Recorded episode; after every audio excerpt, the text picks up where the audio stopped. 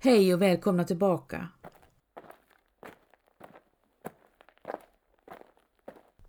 Brukspatronen på Gideå järnbruk skickade iväg tre av sina dagkarlar till sågen i Husum för att lämna av en säck med verktyg och sedan bära med sig en annan säck tillbaka. Männen turas om att konka på säcken. Skogen är tät och marken gropig och det är mörkt i sena november. Tror ni inte att vi kan gå en bit ute på isen? Här är ju vattnet inte så strömt, säger Andersson, en av kararna. De åker kana på sina skor. Titta, ropar Andersson och snurrar runt. Nu tar vi oss en. Det blir sjätte supen för dagen och helt rättvist, tre i varje ben. Sundqvist, en annan av kararna, plockar fram pluntan. Men i samma stund tappar han balansen och faller. Isen brister. Den spricker med ett väldigt dån. Tre män och en säck. Två av dem hittas efter några veckor, men Jonathan Sundqvist och säcken förblir borta.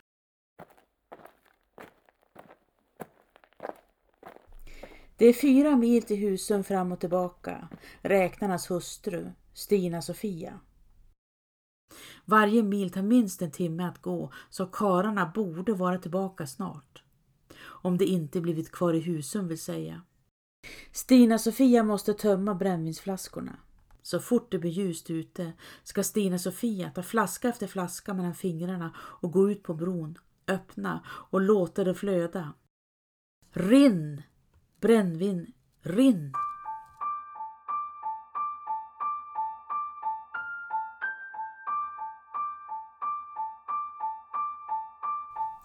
Det är klart att männen inte kunde vinna för vattnet. Men drömmarna rider henne. Jonathan tittar upp på henne med uppspärrade sprängfyllda ögon. Här är det mörkt, kallt och rått. De tittar på varandra och rör läpparna som två fiskar öga mot öga. Älven dånar och Stina-Sofia stirrar ner i det svarta vattnet. Hon glor till ögonen blir torra. Vattnet skummar och fräser. Stina-Sofia måste inbilla sig, men vattenvirvlarna sjunger för henne. Kom liljor och kom Sofia, kom brännvin och fylleria. Eller håller hon på att förlora förståndet? Näcken gnider fiolen med stråken. Han spelar för Jonathan långt där nere i underjorden. Han måste frysa. Näcken alltså, tänker Stina Sofia, där nere som det är så förtvivlat kallt och obehagligt. Stina Sofia står ute på bron med kupade händer bakom öronen. Det tar en stund, men så uppfattar hon hur älven nynnar. Den sjunger för henne igen.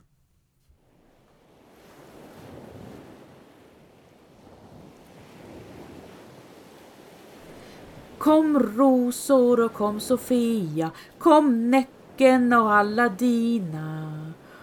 Och Jonathan gick ut på isen och ramla i. Och sen, skriker Stina-Sofia, berätta för mig, jag måste få veta. Hon bryr sig inte om ifall andra ser och hör. Älven susar inte. Den skummar ilsket och rasande men hon uppfattar det ändå. Jonathan är under isen och stannar där.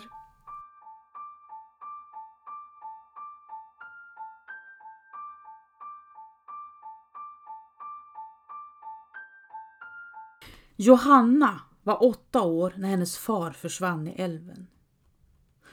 Under lång tid var hon rädd för att gå förbi ifall en knuten näve skulle stiga upp ur vattnet. Brännvin, sa mor Stina Sofia. För mycket brännvin var det. Johannas make, Lars-Olof, smakar inte starkt. Det är bra, säger mor och Johanna håller med. Det spelar ingen roll att folk säger att den som inte tar sig ett järn om dagen är ingen riktig kar. För en riktig kar tar sig några supar varje dag, så är det bara. Mor Sofia är flink med siffror, men Johanna föredrar ord. Som hon längtat efter en vän att skriva till, en så kallad vän i brev eller brevvän. Och till slut hittar hon henne i fattigstugan. Johanna besökte mor Stina Sofia och Anna Brodin var där med sin mor Kajsa. Johanna tog mod till sig och skrev till henne. Och nu har de skrivit till varandra i flera månader redan.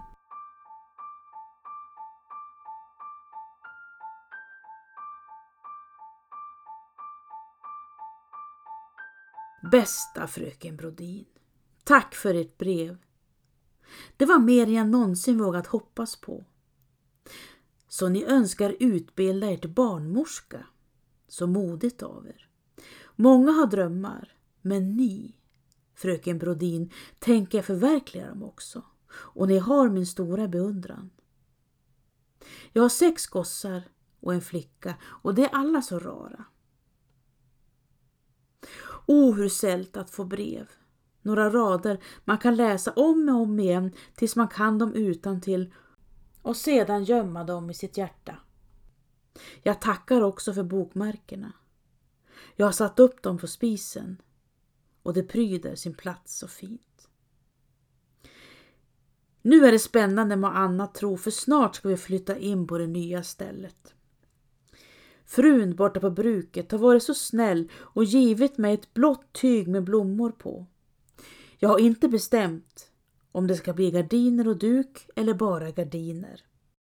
Det är en delikat fråga att fundera över, som att suga på en karamell. Lars-Olof gick till Gidö i morse och han har ännu inte kommit tillbaka. Skriv snart med bästa hälsningar från Johanna.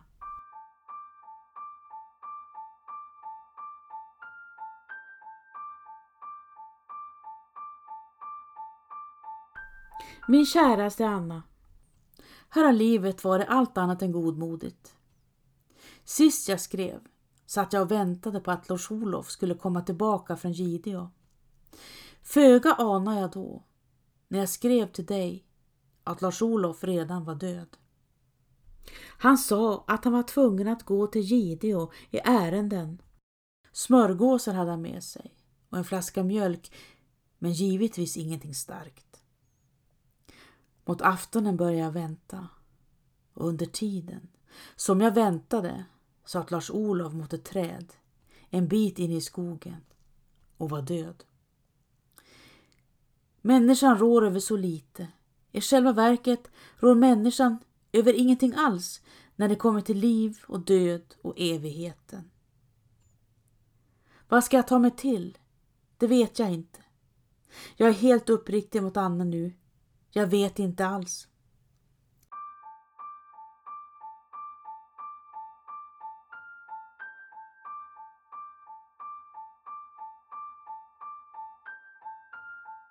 Skrev jag att Lars-Olov hängde upp sig.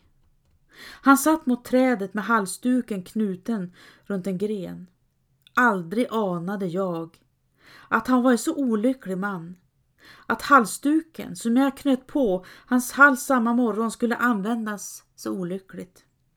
Kom ihåg, Anna, att man aldrig vet mer om en annan människa än vad den människan är villig att berätta. Det har jag lärt mig nu.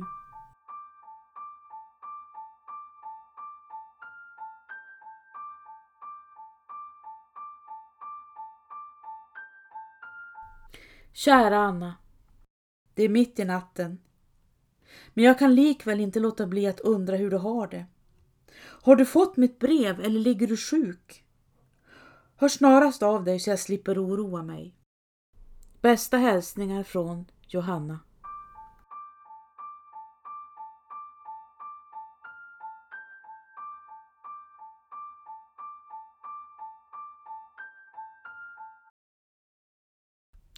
Bästa för barnmorska mitt namn är Sara Kristina Nordvall.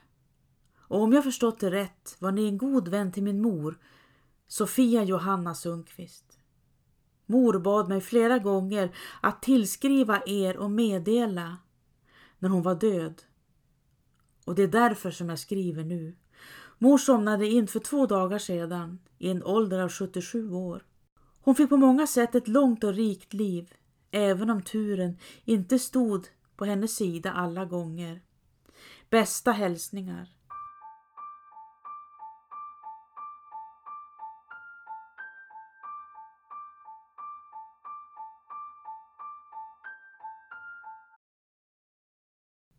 Fru Nordlund, tack för ett vänliga brev. Min hustru Anna har varit död i snart tio år. Efter hennes bortgång hittade jag breven som er mor skrivit till henne. Tack vare ert brev blev jag upplyst om vem som är avsändaren av dessa för mig helt obekanta brev. Jag skickar alla er mors brev till min hustru i retur till er och tackar återigen för vänligheten att tillskriva mig med utmärkt högaktning Abraham Flod, medicine licentiat.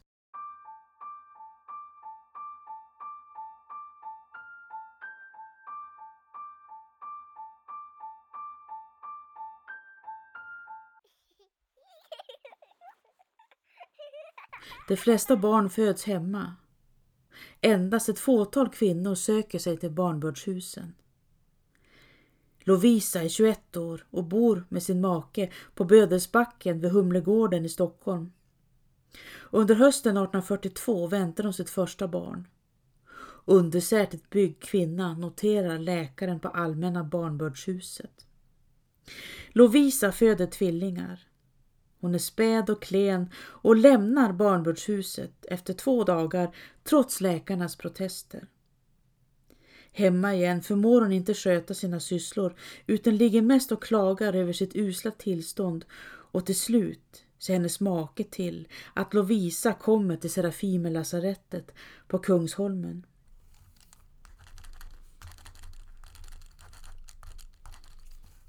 Lära yrat igår afton, skriver läkaren i journalen. Ytterst matt och kraftlös. Över buken läggs ett grötomslag. Patienten önskar sig vin och får dricka ett glas renskt.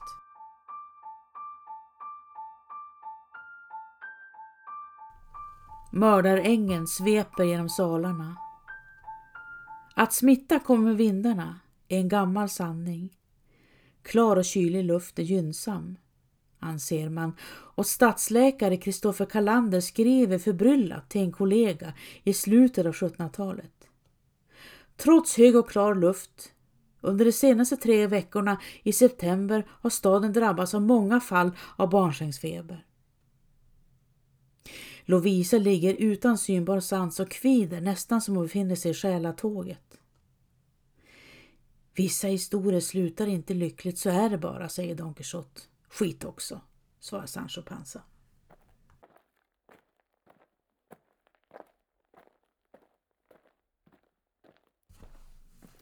Utbildningskravet för barnmorskor har funnits sedan 1700-talet och hundra år senare är varje församling skyldig, enligt lag, att ha tillgång till en utbildad barnmorska. 1858 står Örträsk kapellförsamling i Lappland utan och sockenmännen efterlyser en kvinna som är villig att resa till Stockholm på utbildning. 23-åriga bondottern Greta Stina anmäler sig och antas. Barnmorskeutbildningen är på nio månader med både teori och praktik. På förmiddagarna föreläser professorn eller frun och på eftermiddagarna tar eleverna emot egna barnaföderskor uppe på barnbördsavdelningen. De hygieniska förhållandena är inte optimala och sprutor används utan att rengöras emellan.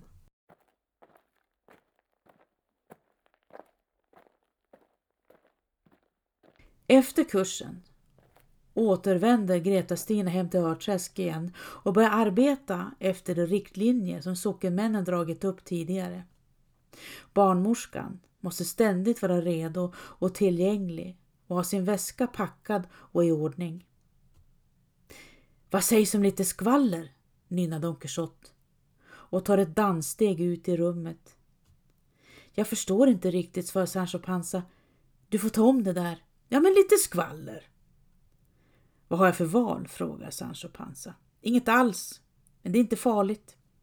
Det handlar om barnmorskan Greta-Stina i Örträsk.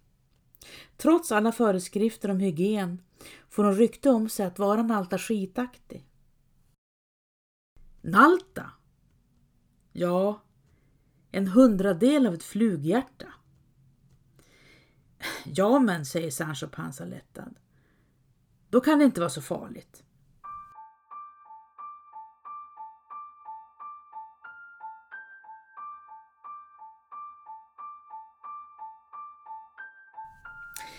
Greta-Stina gifte sig året efter med handlaren Jonas som kommer från Småland. Hans yngsta syster, Benedikta, som är 26 år yngre än han själv, var nyfödd när han reste norrut. 20 år senare arbetar hon som piga utanför Hässleholm. Men det finns ett problem. Benedikta blev på det viset. Hon har visserligen en käresta, men ändå. Att få barn utan att vara gift är inte längre straffbart.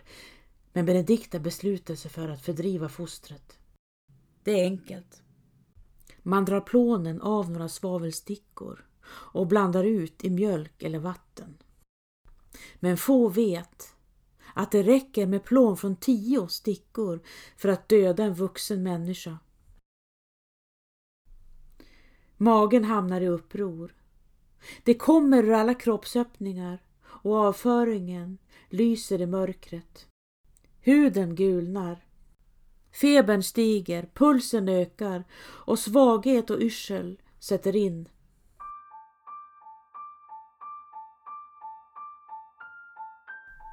Benedikta tar sig till lasarettet i Kristianstad. Hon föder ett dödfött flickebarn och avlider strax efteråt. Några dagar senare kommer Benediktas käresta till lasarettet och bekräftar att hon försökt göra fosterfördrivning.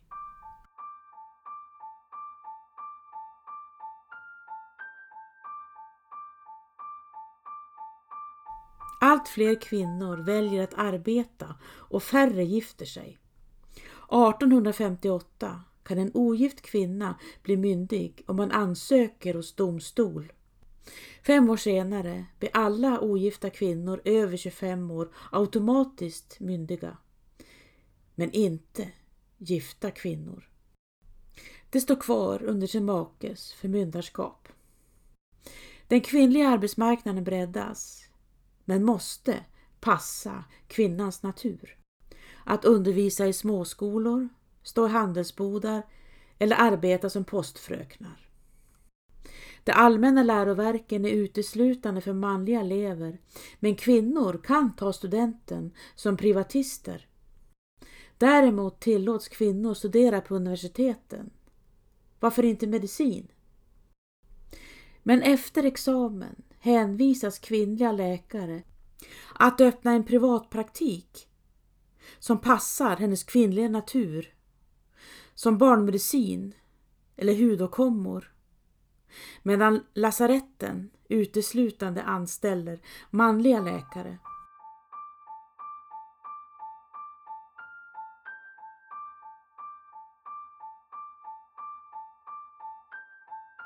1866 och 1867 utvecklas till Storsvagår i Norrland.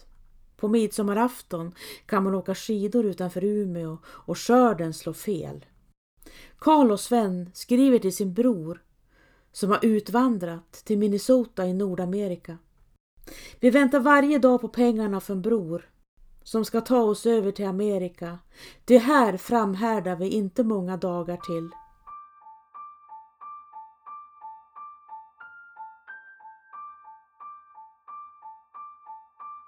Nu börjar den stora utvandringen till norra Amerika och mellan 1870 och 1920 emigrerar hundratusentals svenskar.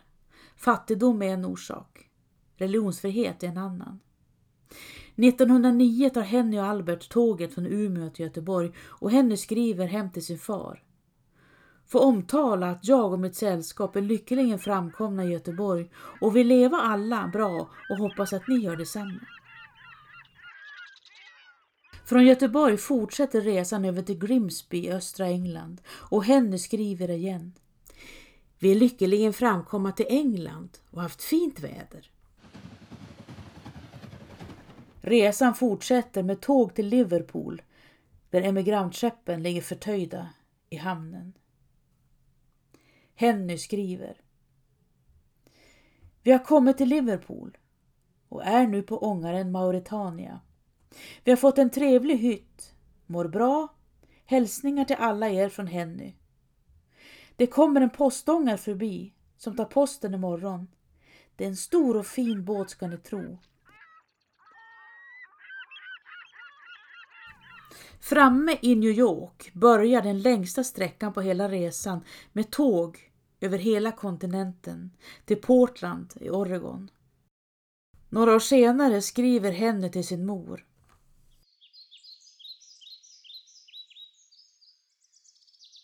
Hallå, kära mamma! Får tala om att jag mår bra och att det är så skönt och vackert i naturen på morgonen. Det är nästan alldeles som vid midsommartiden och Sveden. Undra hur ni mår där hemma.